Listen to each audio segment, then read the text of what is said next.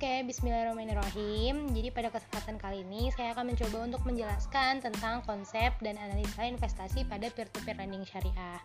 Nah, sebelum kita masuk ke peer-to-peer lending syariah, uh, aku akan coba untuk menjelaskan tentang peer-to-peer lending yang konten dulu. Soalnya emang dia nggak jauh beda ya.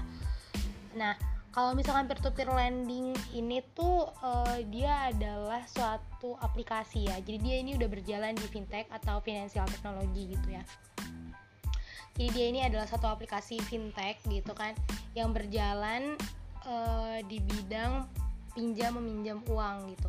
Jadi intinya sebenarnya peer to peer lending ini adalah suatu lembaga intermedia gitu kan ya yang mempertemukan orang yang memiliki surplus dana dan orang yang memiliki defisit dana gitu uh, yang mempertemukan lender dan borrower gitu. Kalau bahasa di peer to peer lending itu adalah lender dan borrower. Lender itu adalah orang yang memberikan dana atau orang yang memiliki surplus dana atau orang yang ingin berinvestasi gitu ya.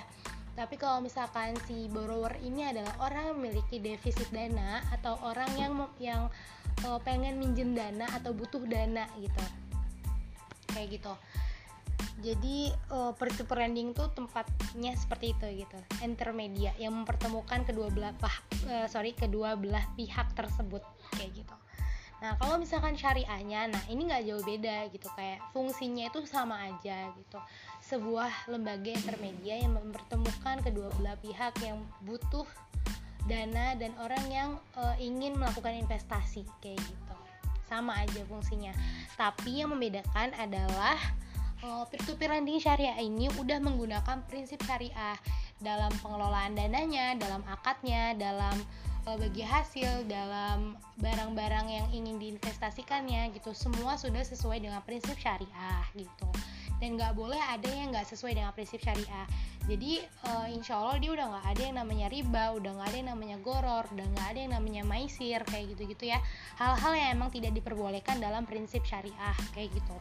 Itu udah nggak ada nah kalau misalkan uh, terkait dengan aturannya ini tuh aturannya udah dijelaskan secara detail dalam Fatwa Dewan Syariah Nasional atau DSN MUI nomor 117 yang pembahasannya itu tentang layanan pembiayaan berbasis teknologi informasi kayak gitu. Nah, kalau misalkan untuk akad-akadnya apa aja sih gitu yang dipakai biasanya di peer-to-peer lending syariah gitu ya. Nah, biasanya akad-akad yang digunakan di peer-to-peer lending syariah ini uh, itu ada akad ijaroh, terus ada akad musyarakah, ada akad mudoroba, ada akad kord, ada akad wakala, ada akad wakala bil al ujroh. Nah, akad-akad ini diambil dari uh, uh, kita uh, maaf sorry uh, saya ambil dari isi fatwa DSN MUI nomor 117 ini kata-katanya udah dijelasin di DSN MUI nomor 117 gitu ya. Nah karena studi kasusnya ini adalah orang yang berinvestasi di peer-to-peer lending syariah yang menggunakan konsep mudorobah dengan tenor waktu sorry dengan jangka waktu satu tahun di sini saya akan mencoba untuk menjelaskan apa sih akad mudorobah itu gitu ya jadi uh, akad mudorobah itu adalah akad kerjasama suatu usaha antara pemilik modal atau biasa disebut sohibul mal sama pengelola atau mudorib. Nah, jadi si sohibul mal ini yang menyediakan seluruh modal untuk si pengelola. Nah, jadinya nanti keuntungan usaha itu dibagi antara mereka nih, antara si sohibul mal sama si mudorib dengan sesuai nisbah yang disepakati dalam akad.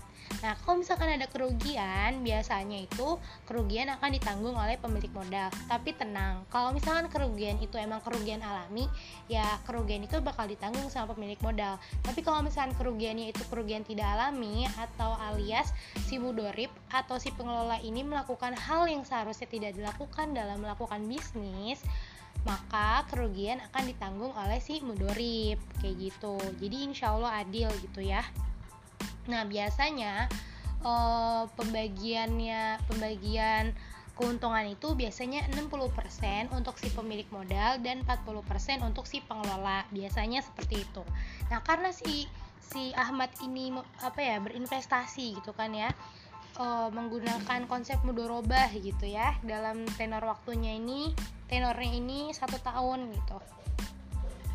Kita ambillah contoh gitu. Misalkan si Ahmad ini dia berinvestasi uh, berinvestasi kepada seseorang gitu yang emang ingin melakukan bisnis gitu. Dia udah punya ceritanya si orang ini adalah karyawan dulunya karyawan di Siret misalkan. Nah dia keluar dan dia punya pengalaman punya pengetahuan dan tahu gitu cara berbisnis uh, ayam potong itu kayak gimana. Akhirnya dia mencoba untuk mengajukan pendanaan gitu ya di peer-to-peer lending syariah ini gitu dia ngejelasin kalau saya ini adalah mantan karyawan Siret saya punya pengalaman begini begini begini begini begini gitu. Nah akhirnya si Ahmad yakin nih untuk mendanai uh, si bisnis ayam potong ini gitu. Nah akhirnya dia mencoba untuk masukkan 100 juta gitu kan dalam bisnis ini. Tenornya satu tahun gitu kan ya. Nah akhirnya Ahmad adalah si Ahmad ini adalah sohibul mal gitu. Karena dia memiliki modal gitu ya yang memberikan modalnya 100% modal dari si Ahmad.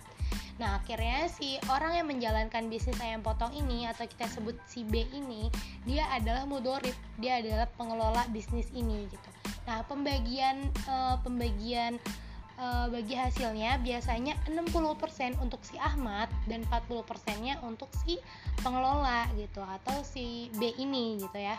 Nah selama satu tahun tuh uh, satu bulan sekali akan ada pembagian keuntungan kayak gitu. Kayak misalkan keuntungannya dalam satu bulan 10 juta misalkan. Nah berarti 60 persen atau 60% dari 10 juta itu 6 juta 6 jutanya itu untuk Ahmad dan 4 jutanya itu untuk si B gitu untuk si pengelola seperti itu.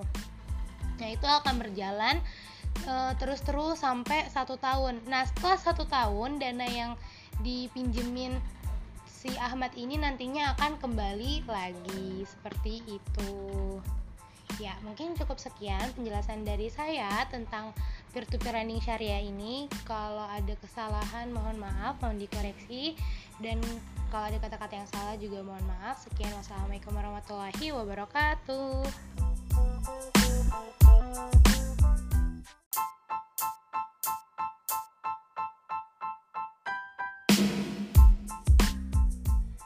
Oke, bismillahirrahmanirrahim. Jadi pada kesempatan kali ini saya akan mencoba untuk menjelaskan tentang konsep dan analisa investasi pada peer-to-peer lending syariah. Nah, sebelum kita masuk ke peer-to-peer lending syariah, uh, aku akan coba untuk menjelaskan tentang peer-to-peer lending yang konten dulu. Soalnya emang dia nggak jauh beda ya. Nah, kalau misalkan peer-to-peer lending ini tuh uh, dia adalah suatu aplikasi ya. Jadi dia ini udah berjalan di fintech atau financial technology gitu ya jadi dia ini adalah satu aplikasi fintech gitu kan yang berjalan uh, di bidang pinjam meminjam uang gitu. Jadi intinya sebenarnya peer to peer lending ini adalah suatu lembaga intermedia gitu kan ya yang mempertemukan orang yang memiliki surplus dana dan orang yang memiliki defisit dana gitu uh, yang mempertemukan lender dan borrower gitu. Kalau bahasa di peer to peer lending itu adalah lender dan borrower. Lender itu adalah orang yang memberikan dana atau orang yang memiliki surplus dana atau orang yang ingin berinvestasi gitu ya. Tapi kalau misalkan si borrower ini adalah orang yang memiliki defisit dana atau orang yang yang uh, pengen minjem dana atau butuh dana gitu. Kayak gitu jadi uh, peer to tuh tempatnya seperti itu gitu intermedia yang mempertemukan kedua belah uh, sorry kedua belah pihak tersebut kayak gitu Nah, kalau misalkan syariahnya, nah ini nggak jauh beda gitu, kayak fungsinya itu sama aja gitu. Sebuah lembaga intermedia yang mempertemukan kedua belah pihak yang butuh dana dan orang yang e, ingin melakukan investasi kayak gitu. Sama aja fungsinya. Tapi yang membedakan adalah e, peer-to-peer lending syariah ini udah menggunakan prinsip syariah dalam pengelolaan dananya, dalam akadnya, dalam bagi hasil dalam barang-barang yang ingin diinvestasikannya gitu. Semua sudah sesuai dengan prinsip syariah gitu. Dan nggak boleh ada yang nggak sesuai dengan prinsip syariah. Jadi uh, insya Allah dia udah nggak ada yang namanya riba udah nggak ada yang namanya goror udah nggak ada yang namanya maisir kayak gitu gitu ya. Hal-hal yang emang tidak diperbolehkan dalam prinsip syariah kayak gitu. Itu udah nggak ada. Nah kalau misalkan uh, terkait dengan aturannya ini tuh aturannya udah dijelaskan secara detail dalam Fatwa Dewan Syariah Nasional atau DSN MUI nomor 117 yang pembahasannya itu tentang layanan pembiayaan berbasis teknologi informasi. Kayak gitu. Nah, kalau misalkan untuk akad-akadnya apa aja sih gitu yang dipakai biasanya di peer-to-peer lending syariah gitu ya. Nah, biasanya akad-akad yang digunakan di peer-to-peer lending syariah ini uh, itu ada akad ijaroh, terus ada akad musyoroka, ada akad mudoroba, ada akad kord, ada akad wakala, ada akad wakala bil al ujroh. Nah, akad-akad ini diambil dari uh, uh, kita uh, maaf sorry uh, saya ambil dari isi fatwa DSN MUI nomor 117 ini kata-katanya udah dijelasin di DSN MUI nomor 117 gitu ya. Nah karena studi kasusnya ini adalah orang yang berinvestasi di peer-to-peer lending syariah yang menggunakan konsep mudorobah dengan tenor waktu sorry dengan jangka waktu satu tahun di sini saya akan mencoba untuk menjelaskan apa sih akad mudorobah itu gitu ya jadi uh, akad mudorobah itu adalah akad kerjasama suatu usaha antara pemilik modal atau biasa disebut sohibul mal sama pengelola atau mudorib. Nah, jadi si sohibul mal ini yang menyediakan seluruh modal untuk si pengelola. Nah, jadinya nanti keuntungan usaha itu dibagi antara mereka nih, antara si sohibul mal sama si mudorib dengan sesuai nisbah yang disepakati dalam akad. Nah, kalau misalkan ada kerugian, biasanya itu kerugian akan ditanggung oleh pemilik modal. Tapi tenang, kalau misalkan kerugian itu emang kerugian alami, ya kerugian itu bakal ditanggung sama pemilik modal. Tapi kalau misalkan kerugiannya itu kerugian tidak alami atau alias si mudorip atau si pengelola ini melakukan hal yang seharusnya tidak dilakukan dalam melakukan bisnis, maka kerugian akan ditanggung oleh si mudorip kayak gitu. Jadi insya Allah adil gitu ya. Nah biasanya uh, pembagiannya pembagian keuntungan itu biasanya 60% untuk si pemilik modal dan 40% untuk si pengelola. Biasanya seperti itu. Nah karena si si Ahmad ini apa ya berinvestasi gitu kan ya uh, menggunakan konsep mudorobah gitu ya dalam tenor waktunya ini tenornya ini satu tahun gitu. Kita ambillah contoh gitu. Misalkan si Ahmad ini dia berinvestasi uh, berinvestasi kepada seseorang gitu yang emang ingin melakukan bisnis gitu. Dia udah punya ceritanya si orang ini adalah karyawan dulunya karyawan di Siret misalkan Nah, dia keluar dan dia punya pengalaman, punya pengetahuan dan tahu gitu cara berbisnis uh, ayam potong itu kayak gimana. Akhirnya dia mencoba untuk mengajukan pendanaan gitu ya di peer-to-peer lending syariah ini gitu. Dia ngejelasin kalau saya ini adalah mantan karyawan Siret, saya punya pengalaman begini begini begini begini begini gitu.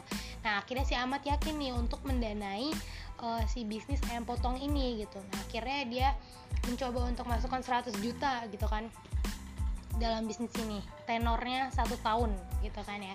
Nah akhirnya Ahmad adalah si Ahmad ini adalah sohibul mal gitu karena dia memiliki modal gitu ya yang memberikan modalnya. 100% modal dari si Ahmad. Nah akhirnya si orang yang menjalankan bisnis ayam potong ini atau kita sebut si B ini dia adalah mudorib, dia adalah pengelola bisnis ini gitu. Nah pembagian uh, pembagian uh, bagi hasilnya biasanya 60% untuk si Ahmad dan 40%-nya untuk si pengelola gitu atau si B ini gitu ya. Nah, selama satu tahun tuh uh, satu bulan sekali akan ada pembagian keuntungan kayak gitu. Kayak misalkan keuntungannya dalam satu bulan 10 juta misalkan. Nah, berarti 60 persen atau 60% dari 10 juta itu 6 juta 6 jutanya itu untuk Ahmad dan 4 jutanya itu untuk si B gitu untuk si pengelola seperti itu. Nah itu akan berjalan uh, terus-terus sampai satu tahun. Nah setelah satu tahun dana yang dipinjemin si Ahmad ini nantinya akan kembali lagi. Seperti itu. Ya mungkin cukup sekian penjelasan dari saya tentang peer-to-peer lending syariah ini. Kalau ada kesalahan mohon maaf mohon dikoreksi dan kalau ada kata-kata yang salah juga mohon maaf. Sekian wassalamualaikum warahmatullahi wabarakatuh.